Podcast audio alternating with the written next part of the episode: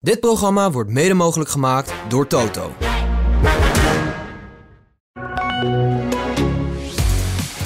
Het venijn zit hem in de staart. Je kent dat gezegde wel, toch? En dat ging zeker op voor de Grand Prix van Austin in Texas dit weekend. Verstappen won de sprintrace en de reguliere race.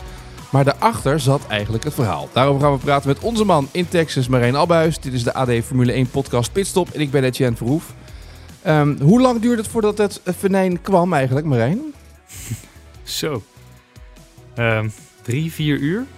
Ja, Ik had denk ik eh, vier potjes pikkelbal kunnen spelen in de tussentijd.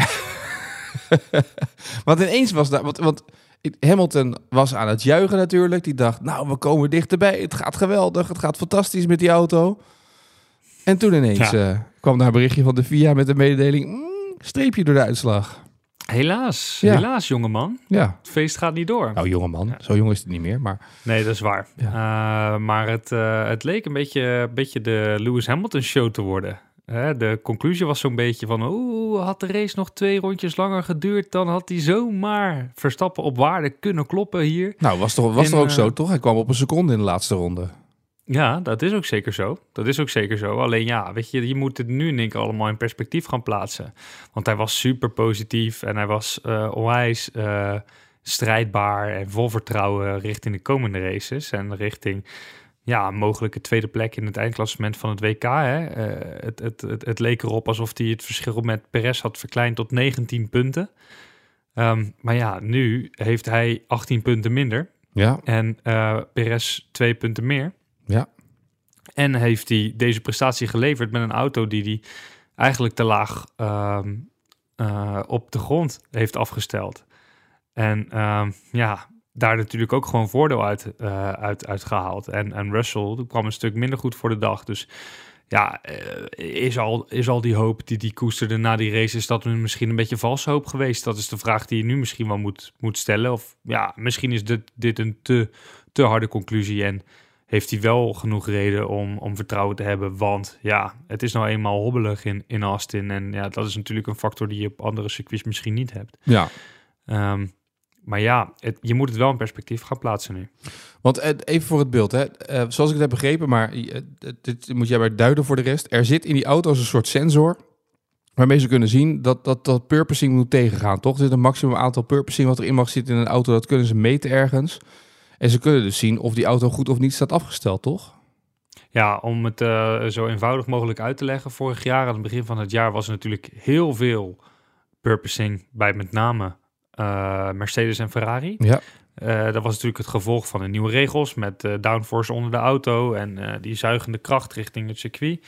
En eh, hè, met het porpoising, we leggen het nog één keer even heel eenvoudig uit, stuitert die auto als een gek. Ja. Eh, en eh, ja, dat, dat, dat leverde nog, nogal wat nekklachten op bij de coureurs, et cetera. Vooral bij Mercedes en Ferrari waren de coureurs daar heel erg... die zeiden, ja, dat purposing dat kan echt niet meer. Dat is echt niet gezond.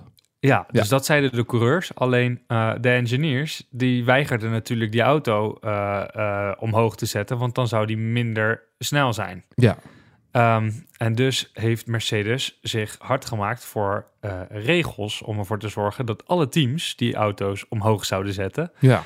en er minder purposing zou komen, eh, zodat zij niet de enige zouden zijn die die auto omhoog moest zetten om eh, ja, Lewis Hamilton zijn geklaag tegemoet te komen, zeg maar. Ja, dus eigenlijk is, is Mercedes de reden geweest dat deze regel er is gekomen. Nou, de regel is, is heel eenvoudig gezegd dat die vloer niet te veel slijtage mag oplopen tijdens de race. Is dat wel zo? Gaat het over een bepaald niveau aan slijtage heen?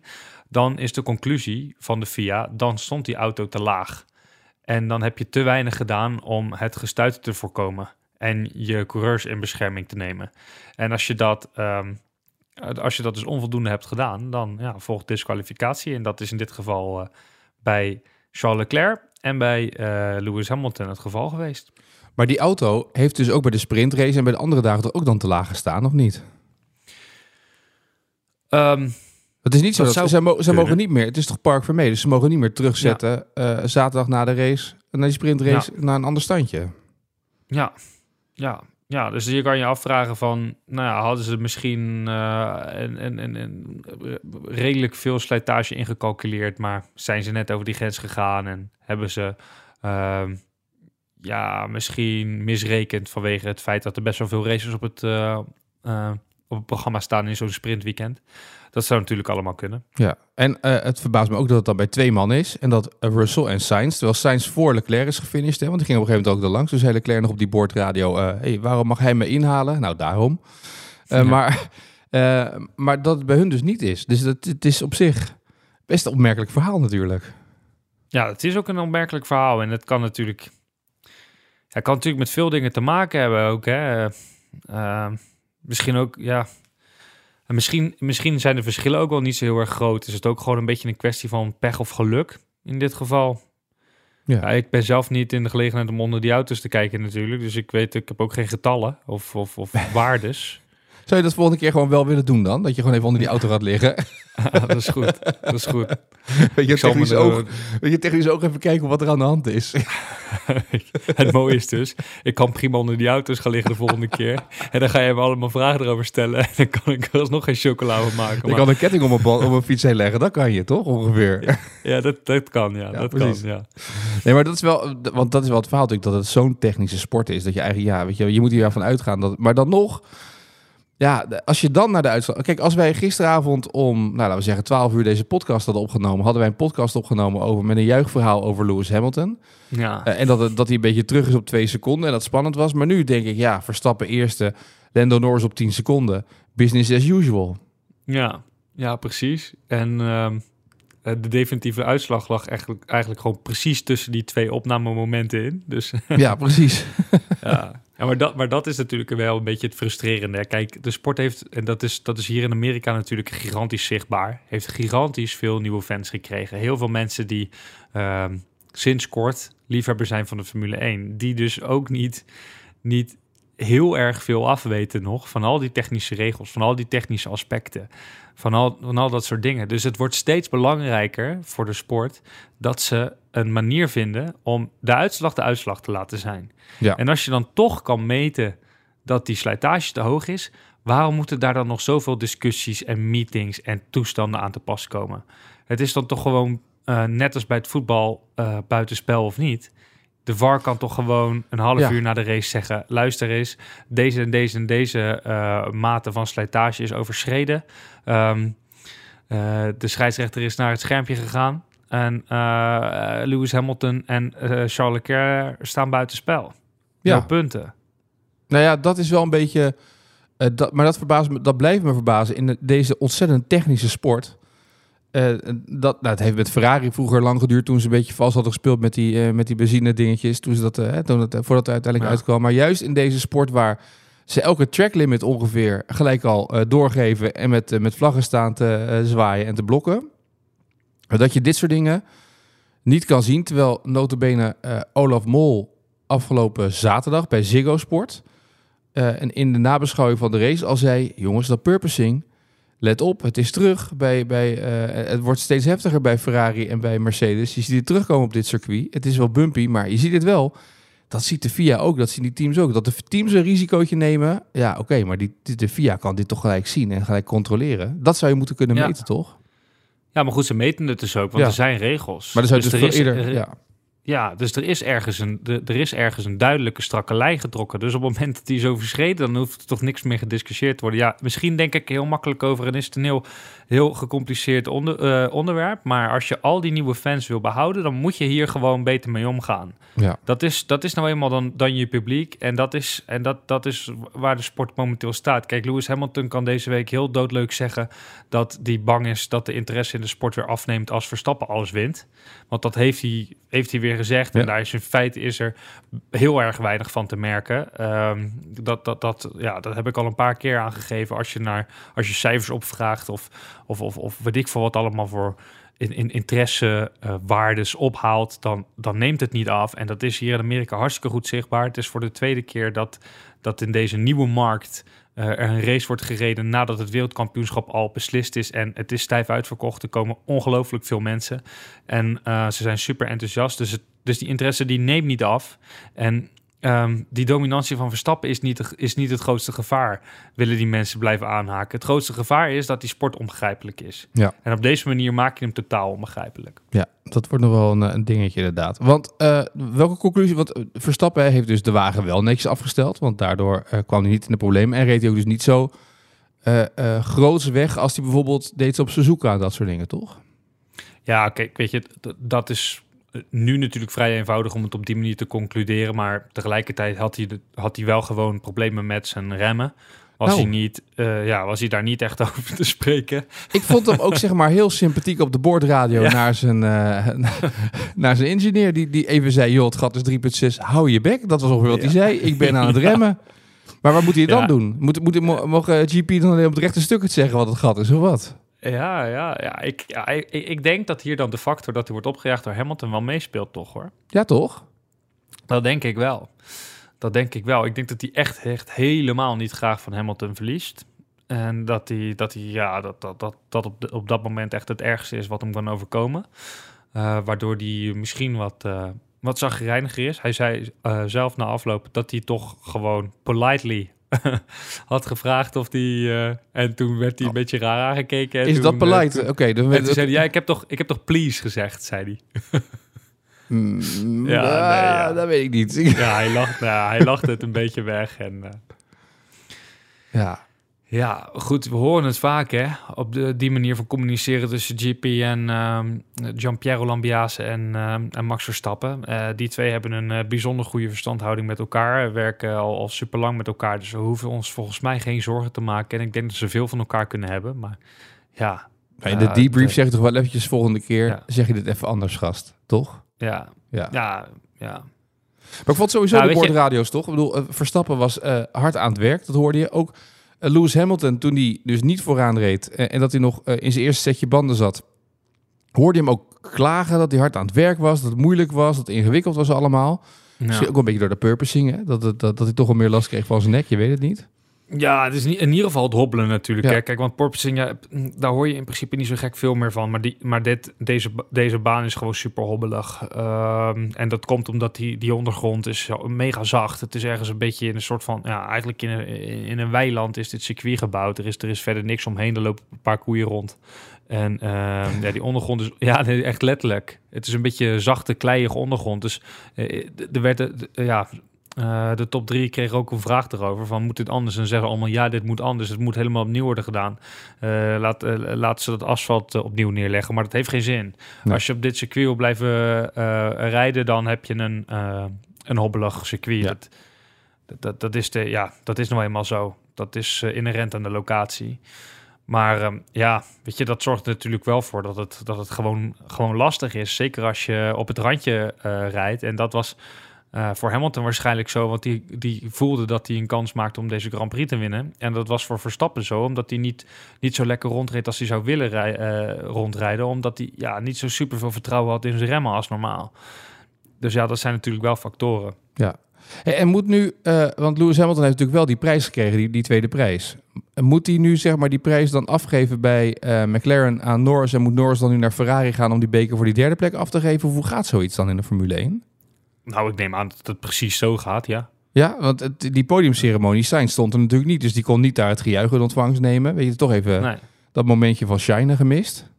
Ja. Maar dat- dat, is, dat is jammer, weet je. Maar dat is net als met een wielrenner die, eh, die later de... De Tour de France etappe wint, want die andere, die andere er 20 iemand doping hebben gebruikt. Ja, Ja. precies. ik heb ooit wel eens de beelden gezien. Volgens mij maakte net eh Lance Armstrong, waar je nu vlakbij zit, overigens geen reet uit. Die heeft nog steeds al die gele truien in zijn huis hangen. Dus volgens mij... eh, Ja.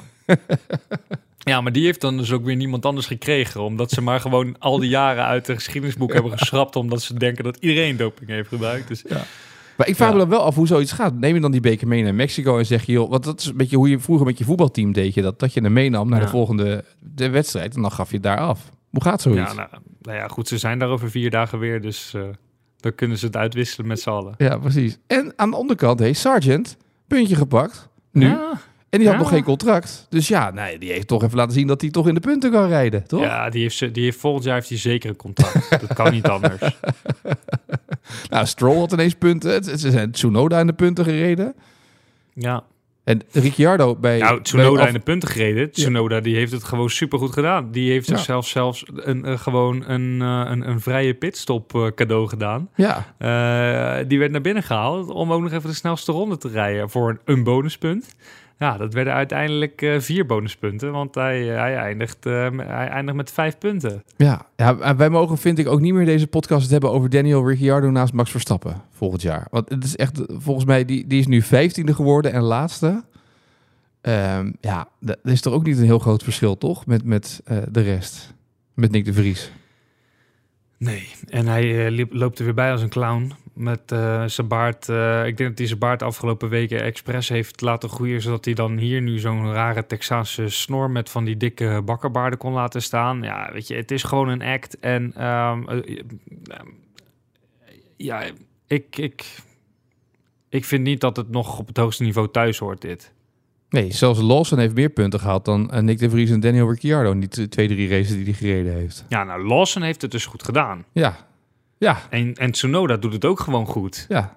Die heeft al acht punten gepakt. Dat is niet, Ja. met, met, een- met een mindere wagen. Maar het is toch bizar dat je dus daar weer vijftiende rijdt. En dat, je dan, dat we het überhaupt nog hebben over dat hij naast Verstappen zou moeten zitten. Ja, ja, precies. Degene die er nu naast zit, die hoort er niet naast te zitten. Maar Ricardo hoort er ook niet naast te zitten. Nee, die heeft al niet echt heel erg vers- verschil gemaakt tot op heden in dat geval. Ik bedoel, eh, Nee, absoluut niet. nee. Hey, hoe was eigenlijk het muziekweekend in, eh, in Texas? Ja, was super.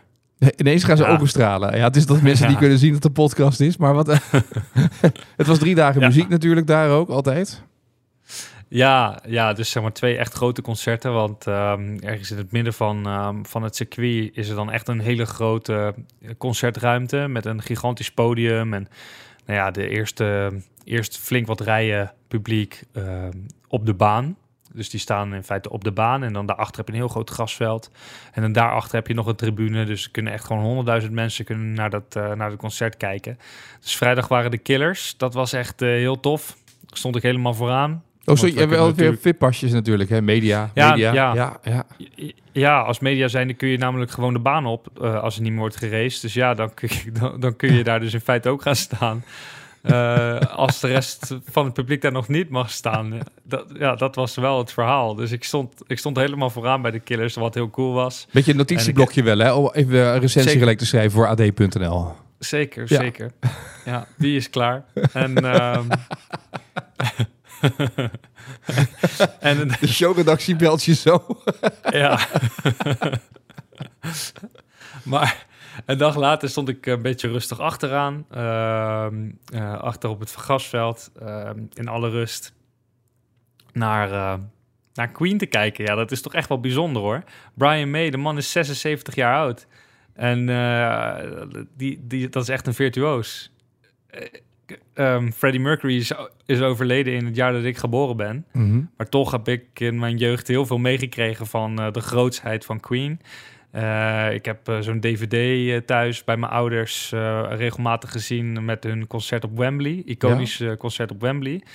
Nou, ik was altijd wel een beetje fan ook van Brian May. Ik, ik speel zelf een beetje gitaar, dus vandaar. En eh, ja, dat je hem dan eh, Ja, ik ben tijdens een werkweekend eh, met de Formule 1 in één keer zo ziet schitteren. Ja, dat is wel echt geweldig. Ik vind alleen, je hebt het beste van 1992 was toen een cd die uitkwam en er stond Too Much Love Will Kill You van Brian May op. En toen dacht ik, ja, dit is wel een beetje getrut, dit liedje, zeg maar. Dat, is, dat, was, iets te, dat is iets te soft, zeg maar. Hè? Ja, en ik moet zeggen dat hij ook niet meer zo goed bij stem is. Nee? Waar, die ook, waar je hem in principe ook niet op moet beoordelen. Maar hij speelde solo Love of My Life. En dat had, dat had beter gekund. Dat had beter gekund. Dus dat Er kwam de- halverwege, ja? halverwege kwam er een hologram van, eh, hologram van ehm, eh, Freddie Mercury in. Dus die deed het tweede gedeelte van, van het lied. Dan hadden ze beter het hele lied kunnen doen. Freddie was beter bij stem nog, dat is knap op zich. Ja. Ja, Ja. nee, maar goed, het is, eh, maar het is wel bijzonder om te zien, toch? En al, die Amerikanen gaan er ook heen, toch? Want dat is eigenlijk waar ze mede voor komen dat weekend. Nou, kijk, ehm, dat was een paar jaar geleden eh, wel dus echt zo. Ja. Ik sprak een fan, eh Amerikaanse fan, die, eh, die in 2016 hier was. En toen had hij VIP-kaarten via zijn werk of via een zakenrelatie of zo. En hij, hij had daar gebruik van gemaakt omdat zijn dochtertje per se naar Taylor Swift wilde. En die hele Formule 1, dat boeide hem op dat moment nog helemaal niks. Nee? En hij had een beetje om zich heen zitten kijken en hij dacht, oh, volgens mij is het eigenlijk ook best wel cool. En nu was hij er dus weer eh, met zijn vader, maar kwam die puur en alleen voor de Formule 1. En zat hij eigenlijk een beetje te denken van... had ik, had ik dit eh, zeven jaar geleden maar al doorgehad, hoe gaaf dit is. Toen zat ik front row en nu Ja. had hij gewoon general admission tickets, zeg maar. Omdat hij gewoon ja, nu als Formule 1-liefhebber naar deze race wilde gaan. Dus het is wel, het is wel veranderd. En kijk, ehm, wat ik ook een heel mooi beeld vond... op het moment dat je van de snelweg ehm, eh, aansluit in, in de file... kon je zeg maar links kon je een circuit al zien liggen. En dat was echt 's ochtends vroeg, was het al helemaal vol. Ja. Eh, en dan keek je zo op, eh, op de heuvel bij bocht 1. En daar stond een mensenmassa, joh. Dat was, dat was niet normaal. Dus ja, die sport is gewoon ook enorm gaan leven. En daarnaast zo komen ze inderdaad ook in grote getalen nog naar de concerten. Maar ja, je zou toch wel gek zijn als je dat niet doet... als je zulke grote namen naar je, naar Ja. je circuit haalt. Dus ehm, Maar is het Ja. nou zo dat in Amerika, is natuurlijk bij honkbal en Amerika voetbal is het zo dat mensen op tijd naar het stadion gaan en daar dan buiten gaan staan barbecuen. Dat is een beetje Amerikaans gebruik. Hè? Ze zetten een barbecue'tje aan en ze gaan eerst er buiten zitten en dan gaan ze pas een stadion binnen. Hoe is dat Ja. bij Formule 1? Is zie je het ook al gebeuren dat mensen op parkeerplaatsen daar eerst nog wat eten drinken en dan pas het stadion ingaan bij, bij Formule 1? Nou, dat heb ik op zich niet gezien. Oké. Ehm, ehm, dat komt misschien ook omdat er beperkte eh, parkeergelegenheid is. En weet je, al die parkeerplaatsen zijn eigenlijk best nog wel ver van, eh, van het circuit verwijderd. En dan moeten ze dan met uh, panelbusjes moeten ze er dan vervolgens heen. Terwijl ja. ze wel 60 dollar betalen om een auto daar neer te zetten. Ja. dus dan kun je of een half uur lopen of een panelbusje nemen, zeg maar. maar Nou, ja, dan heeft de je, en- Amerikaan een busje, die loopt niet natuurlijk. Nee, nee, Nee. de Amerikaan loopt zeker niet. Nee. Nee. maar, ehm, en het begint natuurlijk allemaal vroeg, weet Ja. je. Dus eh, ze kunnen daar van alles, eh, van alles lekkers te eten natuurlijk krijgen. Salades. Ze hebben er wel gewoon echt een, ja, salades, precies. Ze hebben er echt een mooie dag van, van gemaakt. Je hebt, ik heb de Amerikaan wel echt van 's ochtends vroeg tot 's avonds laten zien genieten op het Circuit of the Americas. Mooi. Eh, dan moeten we het nog wel eventjes hebben over volgende week. Mexico natuurlijk, want dat komt eraan. Ehm, ja, met welk gevoel gaat Perez nu naar Mexico? Nou, Perez zal met een goed gevoel naar Mexico gaan. Perez is, heeft sowieso al snel een goed gevoel over zichzelf. of dat wel of niet terecht is. Eh, die, eh, ja, die vond dat hij een, een goede pace had, ehm, had, ehm, had laten zien. Ja. En ja, voor de duidelijkheid. Ik heb hem gesproken op het moment dat Hamilton nog tweede was geworden. En Leclerc zesde, zeg maar. Dus ehm, op dat moment vond ik dat hij genoeg reden had om kritisch te zijn. Want iedereen reed die Ferraris eh, voorbij alsof ze stil stonden. Maar meneer Perez eh, kwam niet eens tot een staart. Nee. Ehm, ja, eh, bij, bij Leclerc uiteindelijk, omdat hij als enige voor een eenstopper koos, waar dat echt totaal niet de, de juiste tactiek was op, op dit circuit en, en, en tijdens deze race. Maar goed, ook, ook Horner was nog wel redelijk positief over de stap voorwaarts die Sergio Perez had gezet en de snelheid die hij had laten zien. Maar als we daar dan even van wegstappen, ehm, hij zal misschien ook wel een beetje met zorgen naar Mexico gaan om de manier waarop zijn team gaat worden behandeld door zijn publiek. Ja. Ehm, want dat wordt natuurlijk, ehm, ja, dat wordt natuurlijk heel raar. Kijk, Verstappen werd nu uitgejouwd door de eh, grote hoeveelheid Mexicanen die in, eh, die in Texas aanwezig zijn. Er ook die bordjes op televisie voorbij komen. Hè? Perez, de Mexican Way of Racing en zo. En die hadden allemaal van die bordjes bij zich om te laten zien dat ze achter Perez stonden. Ja, nou, het- het is, het is natuurlijk het goed recht van de Mexicaan om, om, om, achter, om, om achter Perez te staan. Hebben ze natuurlijk alle reden toe. Er staat een Mexicaan tweede in het wereldkampioenschap. En na vandaag weten we bijna zeker dat hij tweede in het wereldkampioenschap gaat worden. Dus dat is natuurlijk fantastisch voor, voor hen. Eh, hij heeft dit jaar twee races gewonnen. Dus we hoeven er niet altijd even negatief over te zijn. Maar slaat eigenlijk ook nergens op dat, ehm, dat er zoveel negativiteit richting Verstappen. En waarschijnlijk misschien ook wel richting het hele team gaat zijn. Vanwege de uitspraken die Helmut Marco dit seizoen heeft gedaan. Over de mentaliteit van de gemiddelde Zuid-Amerikaan. Waar die Ja. Mexico tot rekent. Ehm, ja, dat is Midden-Amerika, maar dat geef ik niet. Maar precies. Ja. precies, precies. Ehm, maar ja, er gaat dus onwijs veel negatieve energie richting Versta- Verstappen afstralen de komende week. En ja, ik denk dat jij en ik het ermee daarover eens zijn dat dat niet terecht is. En, ehm, en ook niet echt leuk en niet echt sportief. Dus ehm, ja, dat, dat gaat denk ik wel een smetje opleveren uh, te, uh, op, ja, op, op de race van volgende week. En dat zal voor Perez denk ik ook niet al te prettig voelen. Want hij is wel onderdeel van een team dat in feite gehaat wordt vanwege het feit dat hij op het tweede plan staat. Maar de enige die er wat aan kan doen, ja. dat hij zo nadrukkelijk op het tweede plan staat, is hij zelf. Want hij geeft niet thuis. Ja, uh, en ik denk dat uh, ze zijn bij, uh, bij Red Bull goed genoeg in de PR-marketing om nu Perez natuurlijk wel even te zeggen: luister, we zijn nu in Mexico. Jij moet even wat anders en wat positiever geluid laten horen donderdag, zodat het vrijdag, zaterdag, zondag wel beter gaat, toch? Ja, en ze, en ze laten zelf nu ook al dat positieve geluid meteen horen. Want Horner heeft heel nadrukkelijk vandaag gezegd dat hij het fantastisch vindt om in Mexico te zijn. Dat hij het een geweldige Grand Prix vindt. En dat hij, hij moest wel lachen om, om het feit dat ja, dat er een risico bestaat dat ze negatief uh, worden benaderd door de Mexicaanse fans. Ja. Maar um, ja, hij heeft, hij heeft op dit moment alleen maar lovende woorden voor Mexico en voor Sergio Perez. En ja, dat, dat is natuurlijk om die reden die jij net noemt. Ja, precies. Uh, Verstappen trouwens zijn er bijna voorbij gegaan. Overwinning nummer 50, hè? Ja. Ook wel weer een prestatie. Zo, nou zeker een prestatie. Ja. Ja, ja, het, ik ja, ben het bijna alweer vergeten, omdat voor mijn gevoel is het een dag geleden dat die 50ste, uh, uh, uh, ja, dat die zijn 50ste overwinning boekt. En is er in, in de tussentijd zoveel gebeurd. Ja. Um, zoveel nieuwe actualiteit.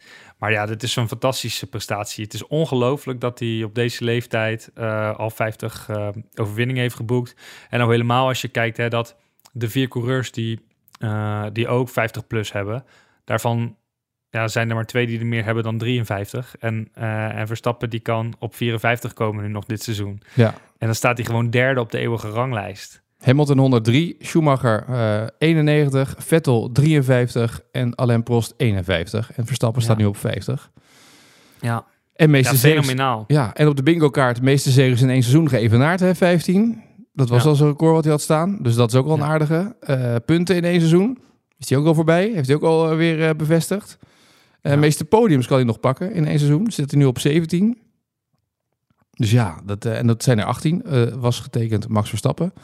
Dus uh, ja, dat is het volgende wat op de bingo kaart afgestreept kan worden. Hè? Ja, en dan heeft hij, even denken, drie van de vijf sprintraces ook nog gewonnen. Ja.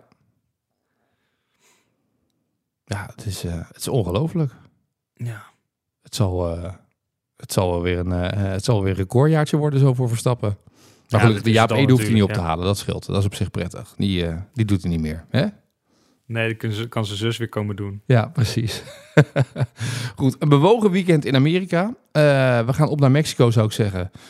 En um, nou ja, het venijn zat hem dus in de staart. Ja. In de nababbel. In de nababbel, ja. Daar zal, iedereen kan... Het is ook zo frustrerend. Nee, je kan nog, jij kan nog aanpassen. Eh, niet meer in de krant. Maar, uh, uh, zeg maar iedereen die, die, op die allerlei verhalen heeft geschreven, die, wordt dus, die kan s'avonds nog alles opnieuw gaan doen. Als je in Japan wakker wordt, een paar uur eerder, denk je, nou, wat is het voor race geworden? Je krijgt het compleet ander verhaal als je wakker wordt. Hè? Dat is het eigenlijk ja. een beetje. Ja, maar dat, ja, dat geldt voor de Nederlander eigenlijk ook al. Want ja, het was drie uur s'nachts Nederlandse tijd toen, uh, ja. toen het verdict uiteindelijk werd uitgesproken eens een keertje. Ja. Nou, toen was de krant er wel gedrukt hoor, kan ik je vertellen. Ja, dus heb ik niet aangepast in de krant voor de duidelijkheid. Als mensen nu de krant binnenkrijgen en het verhaal dan eventueel zien, denk je, ja, ja, wat is het nou? Hè? Maar nou, het voordeel is dat het stuk eigenlijk voornamelijk ging over de 50ste zegen van Verstappen. En dat die race niet zo makkelijk ging als normaal. Nou, dat, daar is niets aan gelogen. Nee, je had het slim ingedekt. Want je kan, de krant zakt natuurlijk op tijd. Hè? En, de, en de race is afgelopen hal, rond uh, half elf, elf uur. Dat was echt wel een deadline stuk, denk ik, of niet? Ja, ja het, het, het verhaal was, was op het moment dat, uh, dat er met de geblokte vlag werd, uh, werd gezwaaid meteen door. Ja, maar u hoeft dus geen, en ik had ook geen ruimte. geen ingezonde brieven sturen als er iets in staat over dat Lewis Hamilton tweede werd, want dat was pas vannacht. Dus dat voordat mensen dan denken... Dus gewoon op, op de site staat het goed. En in de krant staat het dan, nou, zoals het was om 11 uur s'avonds toen de krant ter perse ging. Ja, ja, ja. Nou, de krant is ook maar een ouderwets medium. Hè? Als je het dan zo... Nee, de krant is een Als mooi medium. Alleen ja, je bent. Ja, is heel de, mooi. de Formule 1 is een oud medium. De Formule, Dat 1 is gaat waar. niet- de Formule 1 is, is als je vier uur later een uitslag nog gaat aanpassen. Dat hebben we vorig jaar en twee jaar geleden ook al een paar keer meegemaakt. Dan is Formule 1 een oud medium. Nou, dat is absoluut waar. En die moet en, en dat is dan komen we, dan is de hele de hele verhaal is dan rond. Cirkeltje rond, dat is hè? de conclusie Precies, ja. die we moeten moeten trekken. Daar moeten ze heel snel wat aan doen. Willen ze al die nieuwe fans behouden? En ik denk als je morgenochtend de krant leest, dat dit ook de, na de nababbel gaat worden van Marijn Abbehuis. Vermoed ik zomaar, gezien de blik die ik nu erbij zie. Zou zomaar kunnen. Heel goed. Eh, ik wens je een, uh, een goede... Uh, je gaat door naar Mexico natuurlijk nu, toch? Of niet? Ja, dus, ja ik blijf nog een paar dagen in, in Amerika voordat ik naar Mexico ga. Ja. ja, start van de NBA meemaken, nog even. Ja, dat is wel de bedoeling, ja. Ga je nog... Want je kan Wemby zien, hè? De man van 2,17 meter 17, die uh, balletjes door de benen gooit van iedereen. Red je dat nog of niet bij zijn eerste wedstrijd? Zeker. Ik vlieg donderdagochtend vroeg naar um, Mexico. En woensdagavond spelen, spelen de San Antonio Spurs. Ja, dat is toch uh, schitterend. Want het, is, het, seizoen, het seizoen gaat deze week ook echt beginnen, het basketbalseizoen. Ja, dus het is de eerste. Ik ga bij het NBA-debuut van eh, Victor Wembanyama zijn. Ah, schitterend. Nou, dat is toch mooi dat jij daarbij bent. En het er ook aan uitgebreid verslag in de krant, of niet? Daar ga ik mijn best voor doen. Als de wedstrijd niet wordt aangepast natuurlijk. Hè? Want het kan ook zomaar zijn, die wedstrijd dan midden in de nacht... dat, dat Wemby ook al te veel purposing heeft in het veld... en dat het niet mag, zeg maar.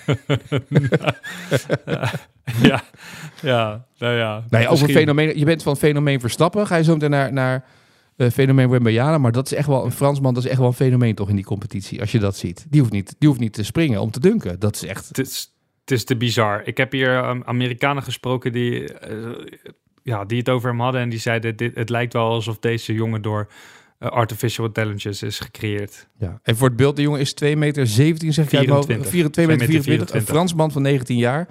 Die via de draft de NBA is binnengekomen en als eerste ook gelijk iedereen wilde hem hebben. Speelt bij San Antonio Spurs.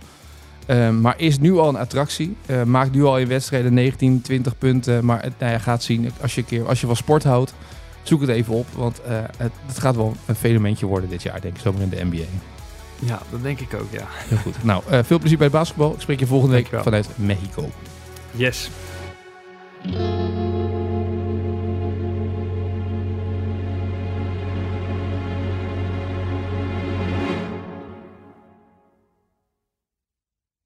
Dit programma werd mede mogelijk gemaakt door Toto.